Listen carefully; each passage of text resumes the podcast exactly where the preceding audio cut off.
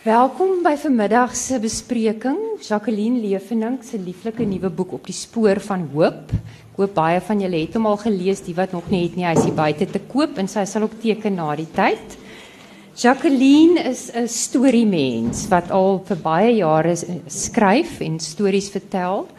En sy was vryskut, sy was by Sari, sy was by Leef, sy was by Lig, sy het omtrent elke publikasie in Suid-Afrika lyk like dit al geskrywe.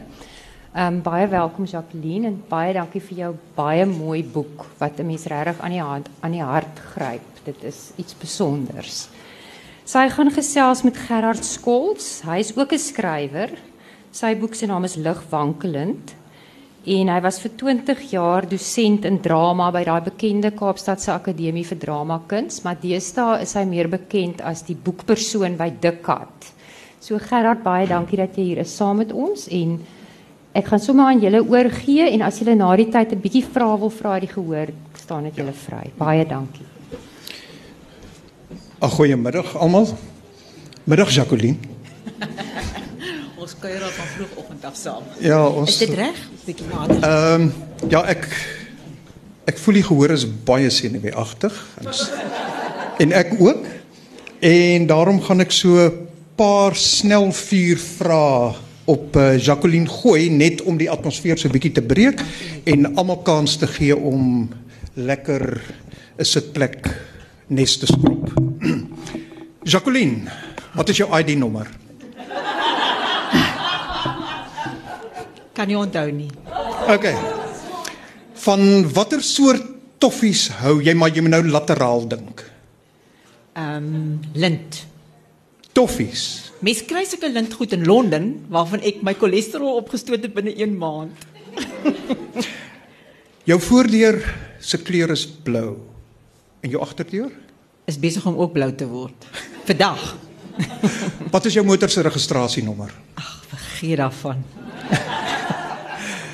wat drink jy soggens? Koffie, suiker, melk, warm water met gemmer en suurlemoen of wat?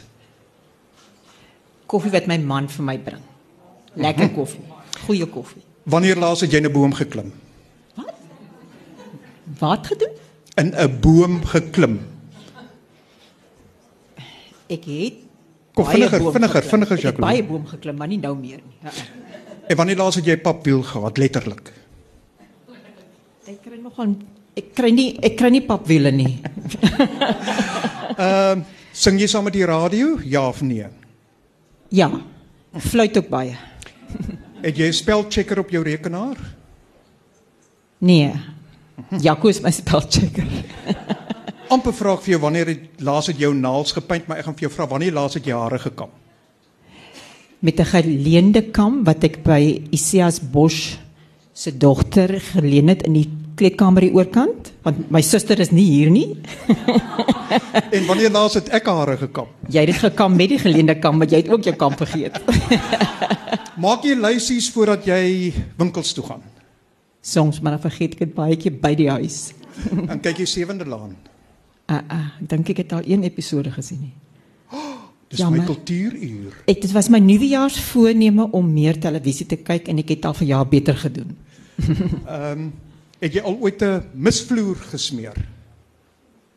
Nee, maar baie op hulle geloop. Hmm. Sou jy graag kan jy my hoor of gaan hy aan en af? Sou jy graag 'n onderhoud met Justin Bieber wou doen? Ek weet niks van hom af nie, maar al wat ek nou die dag gelees het, het iemand gesê sy ergste voorstelling of die ergste ding wat met hom kan gebeur is om met Justin Bieber saam in 'n huispak vas te sit. So ek weet nie. ek weet regtig nie.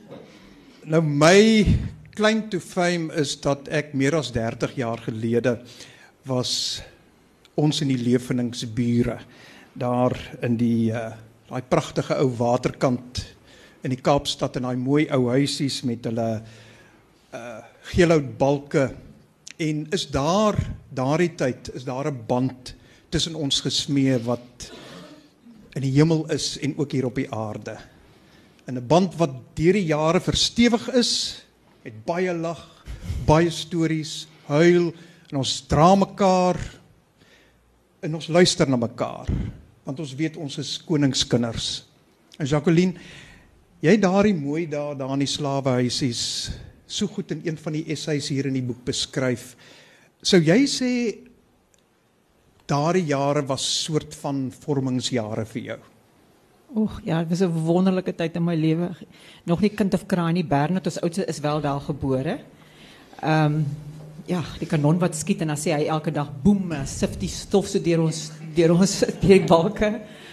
En die tyd wat ek by die burger gewerk het, jy's onbesorg, jy's jonk en al die interessante eksentrieke mense en jy stap werk toe soggens.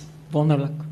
In die middag en dan kom hulle terug en dan sit ons so in die vensterbanke.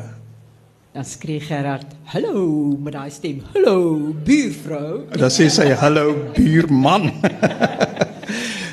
nou Jacqueline, sy hou nie daarvan dat ek dit moet sê nie, maar sy's een van die teerste mense wat ek ken. En daardie gevoeligheid en daardie sensitiwiteit van haar het sy nog altyd in haar artikels oorgedra. En nou weer met die publikasie van hierdie boek op die spoor van hoop. En Jacqueline word deur tydskrifredakteurs as 'n as 'n droomjoernalis gesien, want dis daardie ou wêreld se werksetiek wat sy het, hoogs professioneel en dan daardie wonderlike vermoë om woordprentjies te maak. Nou Jacqueline, vertel vir ons hoe het jou spoor geloop om op die spoor van hoop te kom? Wel, om mee te begin, ek ek ek kan self nie leef sonder hoop nie. Wie kan?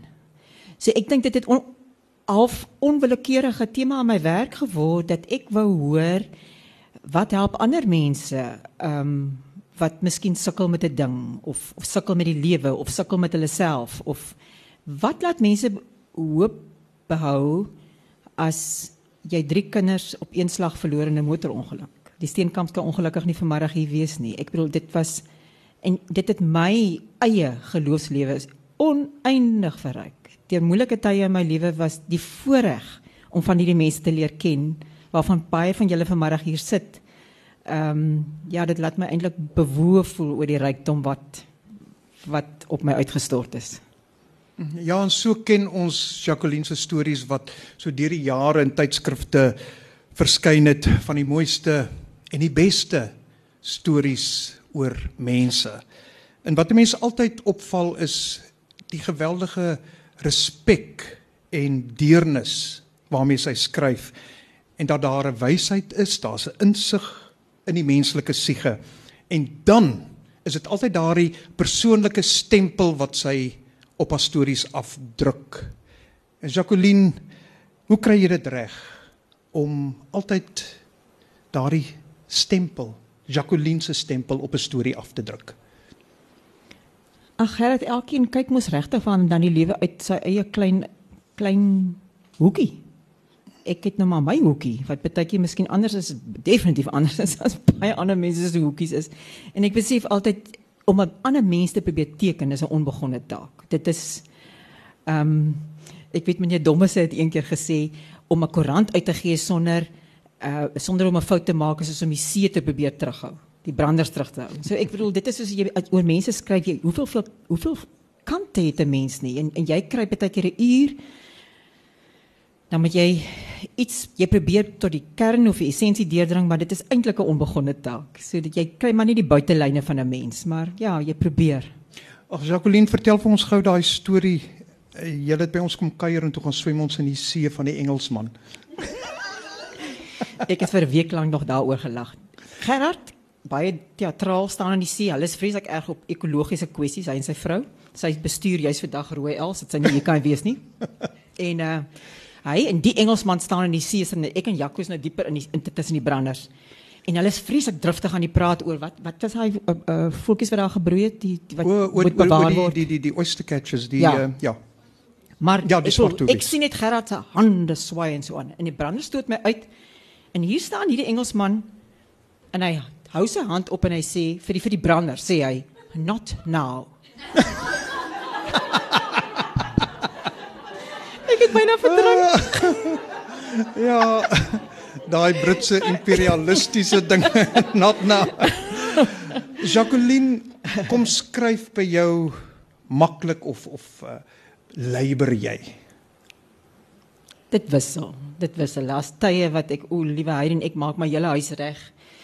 En ek stuur my kind of my te gaan chocolate koop. Ek het nou vir my voorgenem in die lydenstyd gaan dit nou nie gebeur nie. Dis die een ding ek gaan nie vir myself sjokolade koop nie. As ek sukkel, ehm um, ehm um, daar is goed wat makliker kom. Partykeer is daar 'n ding wat jy so dring dat jy letterlik in die nag moet opstaan en ek moet dit neerskryf anders kom dit nie uit my kop uit nie. En en 'n roetine? Skryfroetine? Oei, jemeltjie. Ons probeer, ons probeer. Nee wat? Nee, nee, nee. Ek het, ek is maar iemand baie keer in die ek loop in die dag rond en dan haal my son is my vir my in die nag in. Jy kan maar my, my redakteurs vra baie van daai stories kom 'n bietjie laat by hulle aan in die nag. ja, want ek weet daar is skrywers wat hulle plakkies al so lank hulle lesenare 3000 woorde Nee. vandag. Nee, Dit ek, werk nie vir jou Nee, nie. ek is meer geneig om soos Dana Snyman vir my gesê het, hy het een keer agterste voor omgesit op 'n toilet en skryf op sy laptop en dit was die enigste kontakprop wat hy in die hotelkamer kon kry. As jy joernalis is dan leer jy maar so, jy moet maar vir elke gebeurlikheid Ja. jy moet maar net kan deliver. Daai deadline. Jacqueline, ek weet nie of jy dit agtergekom het nie, maar toe ek nou op die spoor van hoop deurlees, toe loop jou ma tannie Jacqueline Melan soos 'n goue draad deur hierdie boek. En en dan ook raak 'n mens bewus van die invloed wat sy op jou geloofslewe, op jou waardestelsels en op jou menswees gehad het. Uh was dit 'n bepaalde leitmotief? Het, het jy dit so beplan? Nee, wat kyk hierdie artikels het oor jare ontstaan. Ek dink uh, wat miskien dit bietjie uh, meer beklemtoon het is dat die boek het uh, het ek gefinaliseer kort na haar dood. Dit was eintlik vir 'n maand of so 6 weke na haar dood wou ek nie onderhoude voer nie en ek het 'n uh, rubriek 'n week voor haar dood geskryf en toe weer eintlik my haar goed wat uit uit, uit haar dagboeke uitgekry het gebruik toe ek eintlik self nie kon skryf nie toe kon ek my ma se goed gebruik sy het as hy stilte tyd gehou het in die oggend baie keer so goedjies so neergeskryf. Ek dink die enige mens kon naby aan my ma leef sonder om te weet hoe lief sy vir die Here is nie. Dit was net so wat sy was. Ehm um, ja, dis 'n voorreg. En uh Nana, jou bruidma. Vertel Kyk, vir ek was die oudste ek was die oudste van 5 kinders en 'n bietjie meer as 7 en 'n half jaar. Ek weet my ma het vir die ander doktersvrou op die dorp oom Erik Koeske se vrou gesê dit is net sy en hy wat ag net hulle twee wat nooit op kinderpartytjies kan saamspeel nie want hulle was permanent swanger. So toe ek toe ek 3 jaar oud was met met my ma drie kinders gehad. Ons is al drie in Maart gebore. So toe jy 1 2 en 3 was. So my jou ma het gesê. oorleef en ons het oorleef omdat Nana daar was. Nana het 3 maande na, na my geboorte by ons kom werk. En ehm um, ek wou amper sê sy is uit die huis uit be, begrawe. Ek bedoel Nana het 'n ongelooflike invloed op my lewe gehad met haar stories en haar verhaal. My ma het 22 jaar sy was in 'n stadium 'n volslae alkoholist wat spiritus uit my pa se spreekkamer uit gesteel het en Here het haar volkome verlos daarvan. Volkome dat sy nooit ooit weer eens lus gehad het vir drank nie. Dat my ouers kon oor see gaan oor Kerstyd en die drankkabinet ooplos, die huis alles. Dit, dit Nana het 'n groot invloed op ons almal se geloofslewe gehad want almal het haar afgeskryf behalwe my ma. En ehm um, uh Nana het vreeslik kon lieg. Sy het haar liegstories om die stryktafel het ons vir ure geamuseer. En sy was 'n Weskus mens met al die tale. Louise Viljoen wat julle almal sal ken was nou my beste maat uit ons kinder uit ons uh, babadoeke uit. En uh, ek en Louise het elke middag by mekaar gespeel en ons was baie stout. Dan Nana het dan laat staan sy so staan sy so met die vatdoek en sê sy kom verby, kom verby. uit. Ja, mens moet net weer daai hoofstuk wat wat wat jy hierso so oor haar skryf. Ek het dit gistermiddag weer gelees in uh Nee, sy was 'n karakter. O, jene. uh Jacqueline Ek sy het nog sy het vir my kort voor haar dood gesê daar toe sy was in die ouer huis waar my ouma ook was op die einde. En ehm uh, toe sy so so vir my gewys die matjie voor die bed. Toe sê sy daar bid ek vir die Malan kinders en ek sal nie ophou bid vir hulle tot ek doodgaan nie. En haar ou knie was al soos ek kon omtrent nie buig nie maar ja. Ja, dit moet 'n geweldige invloed Ja. op 'n mens hê. Met die lees van die boek en die herlees gister weer was ek net weer eh, verras met die manier waarop jy met woorde omgaan en hoe jy mense tot in die leser se hart inbring. in hoe jy met jou eerlikheid 'n mens ontroer. En baie keer ook met jou eie weerloosheid. 'n bietjie oor daai eie weerloosheid. Wel ek verkies regtig waar om uit 'n gemeenskaplike weerloosheid te skryf. Ek dink as jy uh neerbuigend na na mense kyk dan uh, begin dinge net ontspoor. Ehm uh, um, uh ek weet 'n vriendin van my sussie, ek moes onlangs daar in die sitkamer gaan praat oor die boek en toe het sy agterna gesê ehm um, jou sussie lyk vir my na 'n baie breekbare maar daarom ook 'n baie bruikbare mm, mens. Mm. So dit was een van die mooiste goed wat iemand nog vir my gesê het rondom my weerloosheid. ek wil baie graag taaf wees maar. nou jy vat die mense oor wie jy skryf ontsettend fyn raak met wat jy sê en dan ook hoe jy dit sê. Intussen ingee jy vir die leser ook so glimps van hoe die mens lyk, hoe hy aangetrek is, of daar mannerismes is, miskien gewoontetjies. Nou neem jy dit alles waar terwyl jy gesels of uh het jy bandmasjien, maak jy aantekeninge, hoe hoe gaan jy te werk? Dit hang baie af van die van die situasie. Ek het dikwels 'n uh, bandmasjien en dan kan 'n mens 'n bietjie vryer gesels. Dit is my lekker die mense ontspan ook maar jy weet ons vergeet maar van die ding en ons praat sommer. En ek lê gewoonlik die artikels ook voor aan mense. So ek sê vir hulle sê enigiets wat in jou kop kom, want ek gaan dit aan jou voor lê voordat dit verskyn. So dit dis nie ek is nie daarop uit om mense uit te vang nie. So ehm um, wat dan gebeur is dan ontspan hulle en dan sê hulle baie keer is baie vrymoediger as wat ek byvoorbeeld sou wees oor goed wat vir hulle hulle is okay daarmee dan voel ek ook dan kan dan nie iets verkeerd gaan wat 'n misverstand kan laat ontstaan hmm. of so nie. En dis interessant dan kry jy baie gekoop goeie kopie. Ek het destyds dit begin doen met Antjie Krog. Ek weet dit is een van my eerste groot onderhoude vir die Sari gewees en ehm um, sy was vreeslik skief vir die pers daai tyd. En ek het ek het dit besluit okay ek gaan dit so so benader. En toe was sy so openhartig op die ouend dat ek gedink toe besef ek maar dit is wat as iemand voel hulle gaan nog darm die ding weer kan sien, dan is hulle eintlik baie vrymoediger as wat ek miskien sou wees. So mm. ja, ek vind dit werk vir my. Jacqueline voor in die boek staan daar ehm um, TT Kloete se woorde van ja Psalm 45 soos wat dit in die liedboek van die kerk is.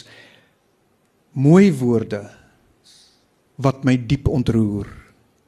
Die dra kan my koning voor. Nou hierdie boek is vol juwele, vol sinne, vol gedagtes wat geen ander mens kon uitdink behalwe jy nie. Jacqueline Leefenik, my liewe buurvrou. Hy's baie bevooroordeel. Sonder om wat baie belangrik is, sonder om ooit baba pink of baba blou of sentimenteel te wees skryf sy net hierdie ongelooflike juwele. Ek wil net vir julle hier op bladsy 46 uh, eh, iets wat my hierdie week weer 100 164. Gerard, terwyl jy soek, wil ek net van die geleentheid gebruik maak. Hier is vanmiddag mense wat in die boek verteenwoordig is en ek wil nie besonder vir Adri Louise van Reden wat die gewese redakteur van uh, Lig en Kerkbode was. Sy na Danny wat vanmiddag hier is. Jy sê ek ek raak regtig ontroer Ehm um, ja, baie baie dankie en vir die insette wat jy gelewer en die geleenthede wat jy vir my gegee het om kosbare mense in ons land te ontmoet. Ek ek sal jou altyd innig dankbaar daarvoor wees. Hoor net hierdie mooi paragraaf. Ja, ook mos ek was vir uh, vir lank Susan van Wyk se assistent en dan sy het altyd gesê pas op vir mooi. pas op vir mooi. Ons het almal water nodig. En om dit te kan kry, lyk dit vir my verg die lewe van ons om daagliks weer laag te buig sodat ons opnuut suiwer water van erns kan skep. Soms is die put diep en ons is sonder 'n emmer of 'n tou. Maar ons kan gaan hulp vra by die een wat vir ons 'n oseaan kan skenk, kan skink. Daai woorde is in die Bybel, nee, die oseaan skink, is nie my oulike woorde nie. Dit is kom Nou uit die Bybel. uit. Dit is my verskriklik mooi. Ja, dit is so Erns, ek nie my vra waar nie, maar mm. Oseaan skink, So was dink dit hier on, in jou onderbewussyn gebeure. Ek weet nie, ek kan nie onthou nie. Nou tussen hierdie onderhoude deur is daar ook 'n uh, kort stukkies wat 'n uh, rubrieke was in in tydskrifte, in herinneringe en gewoonlik eindig dit met 'n waar gedagte of 'n spoor van hoop. Hoe het dit gekom? Hoe het dit gebeur? Wel, dis maar 'n opdrag van ehm um, van die tydskrif Leef. Hulle wil graag hulle lesers inspireer. Dit is die die die trant van die van die van die van die tydskrif. So jy is veronderstel om op een of ander manier ja, mense te te te, te probeer help of of bemoedig of ehm um, ek dink dit is maar maar dit kom nogal redelik natuurlik by my. 'n Ma se werk is mos om te preek, dit hou mos nooit op nie. Jacqueline, jou skryfwerk is is meesal die van joernalis en jy noem jouself ook 'n 'n storieaandraer. Maar sonder daardie semel journalistiek. En jou stories is is menslik. En stories van medemenslikheid en stories van hoop. Hoe kom stories na jou toe? Nou, drie kwart daarvan is opdragte. Ek beland op plekke en by mense wat ek nooit in my wildste drome gedink het. Ek dit vir my so lekker, daai ver, verrassingselement na al die jare dat ek nou nie weet wat ek volgende week gaan doen nie. Dit ek weet net my eerste week by die burger het ek soggens so deur die deur die tuine afgeloop.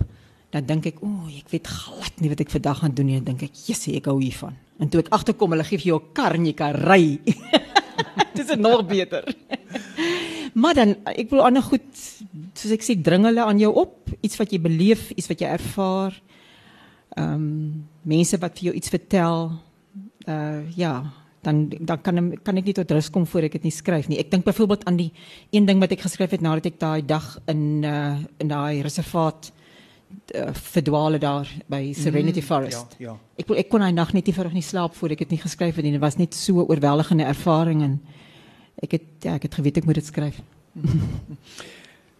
Jacqueline, het jy al voor 'n onderhoud gebewe? Wat het ek vir jou vanmiddag gesê? Waar was ek bang? O, toe ek by Helen Zille.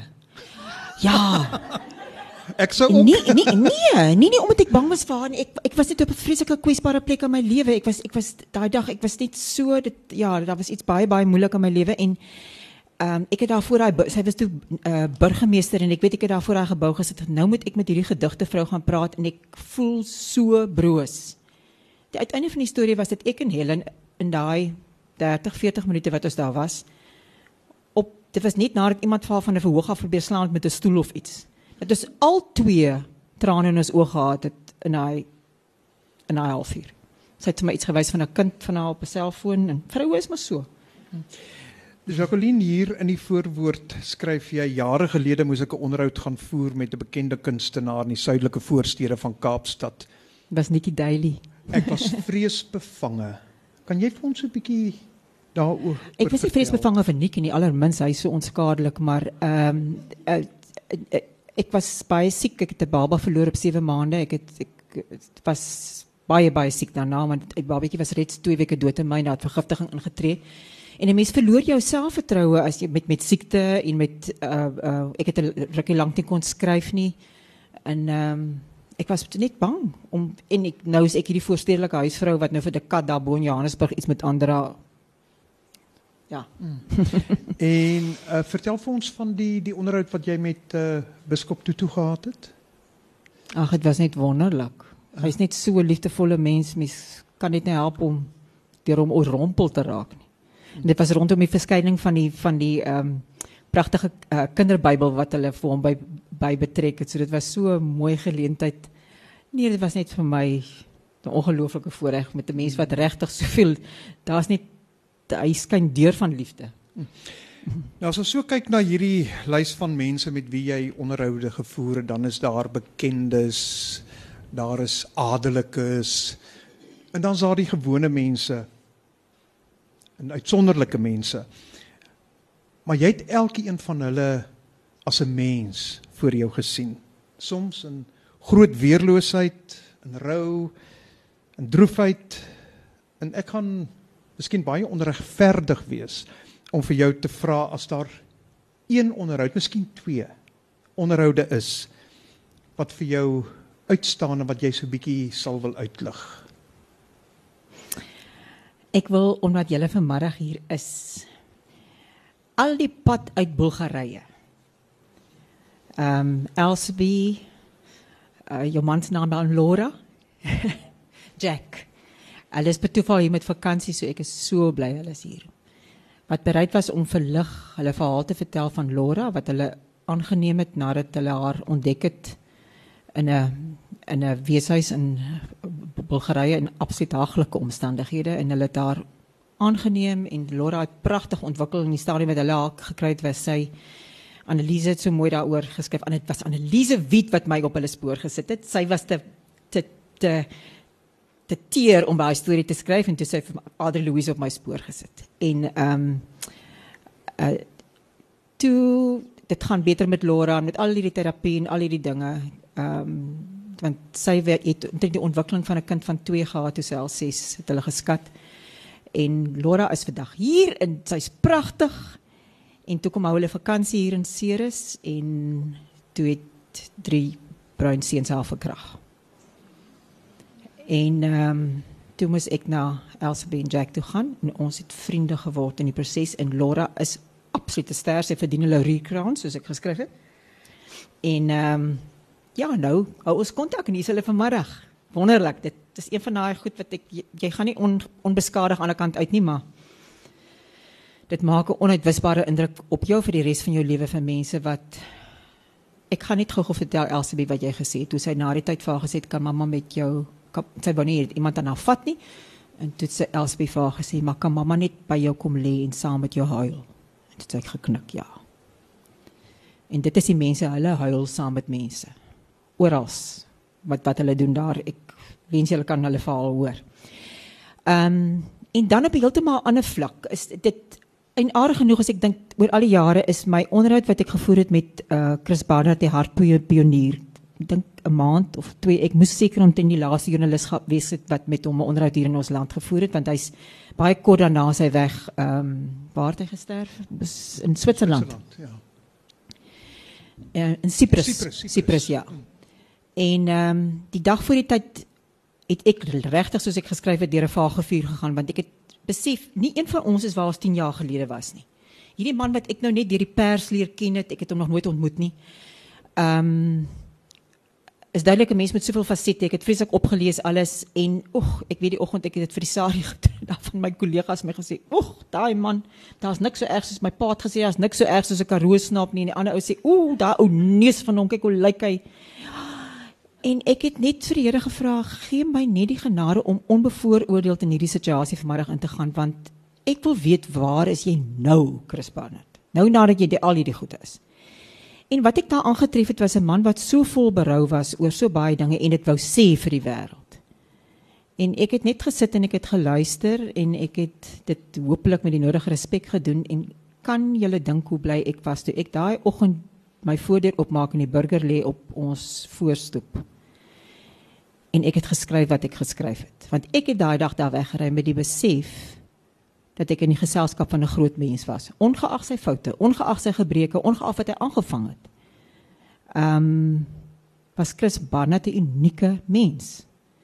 En die kontak wat ek agternaam met Diedrey gehad het en betoeval verlede jaar toe op die ouend met met Karen sy laaste vrou het net daai indruk van my versterk en ehm um, dit het my weer geleer hoe versigtig moet 'n mens nie wees as jy met ander mense en hulle binnegoed omgaan nie want hoe weet jy wat môre oor môre gebeur mm. oh dankie mm. nou jy skryf iewers dat jy vereenselwig jou met George Weideman se woorde dat 'n skrywer skryf om in woorde te vermaak en te ontdek maar ook salwing vir die pyn. 'n Gebed, 'n soektog, 'n poging om lewensraaisels op te los. Nou as jy nou moet terugkyk na al hierdie jare van skryfwerk, was dit vir jou vermaak en pyn? Jy het vanmiddag iets gesê van vermaak. Wat is dit wat jy gedink het was dit? Die lekker van skrywe. Nee, maar die maar die wat vir jou die, snaaks was. Ek weet nie ek ek is nie die die, die storie hier oor die visserman. Ag ja, nee, ek kom ons van die Weskus af en Adri Louise het vir my gestuur om te praat met uh, vissers wat in die winter moet uitgaan as ons nou almal lekker by ons kaggel sit en so aan en ek het daar op by jetty gaan sit. Jaco kom nie daar los kry nie. En net met hulle gepraat want dis my wêreld se mense. My ou Nanna was so met 'n visserman getroud. Ons het altyd die kreefpotjies uitgedop en ek ken daai mense en o, oh, en hulle sê goed en goed, dit is my net te wonderlik. Ja, dit was my dit was dit was nie vir my so seer snaaks as wat dit vir my, maar vermaaklikheid. Ek wil ek ek kan onthou byvoorbeeld in die vorige boek moes ek eendag vir Jaco 'n verkeersboete gaan betaal. En nou staan ons in daai toue en so en dit tyd te gaan om en gaan om en ek is nou so verveeld. Toe begin ek nou kyk hoe na almal se reaksies rondom my, die mense in daai tou. En toe loop skryf ek 'n ding daaroor. Dit was net vir my baie snaaks op die ou end om almal dop te hou. so vermaak ek maar myself. hoe beïnvloed dit jou as jy 'n onderhoud kennis maak met mense se binnepyn? Soos ek net gesê het, ek bedoel jy gaan nooit onbeskadig aan 'n kant uit nie.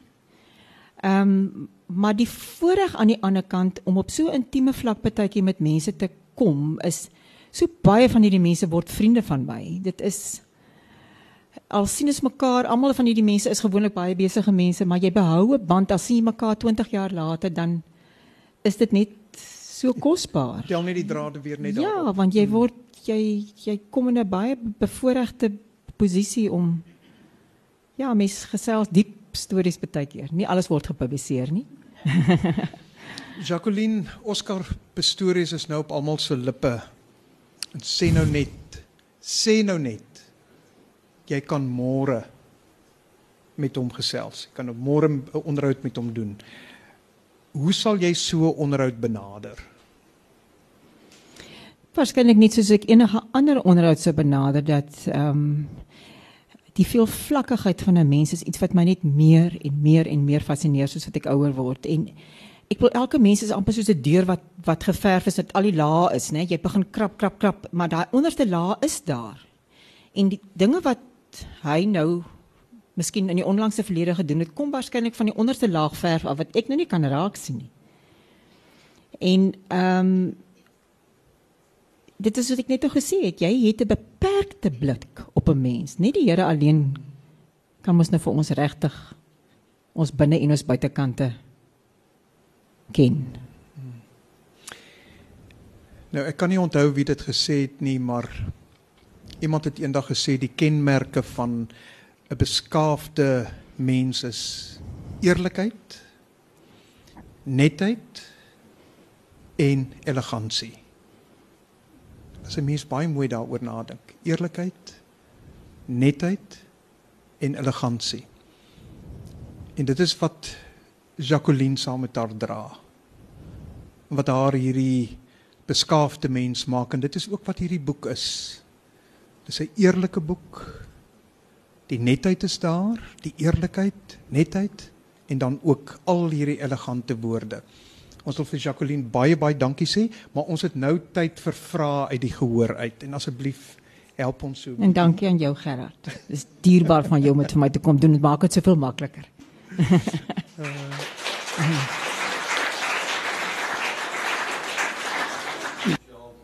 Dalk iets wat dan baie dankie dan sluit ons hierdie geleentheid plegtig af. en dankie vir julle geduld.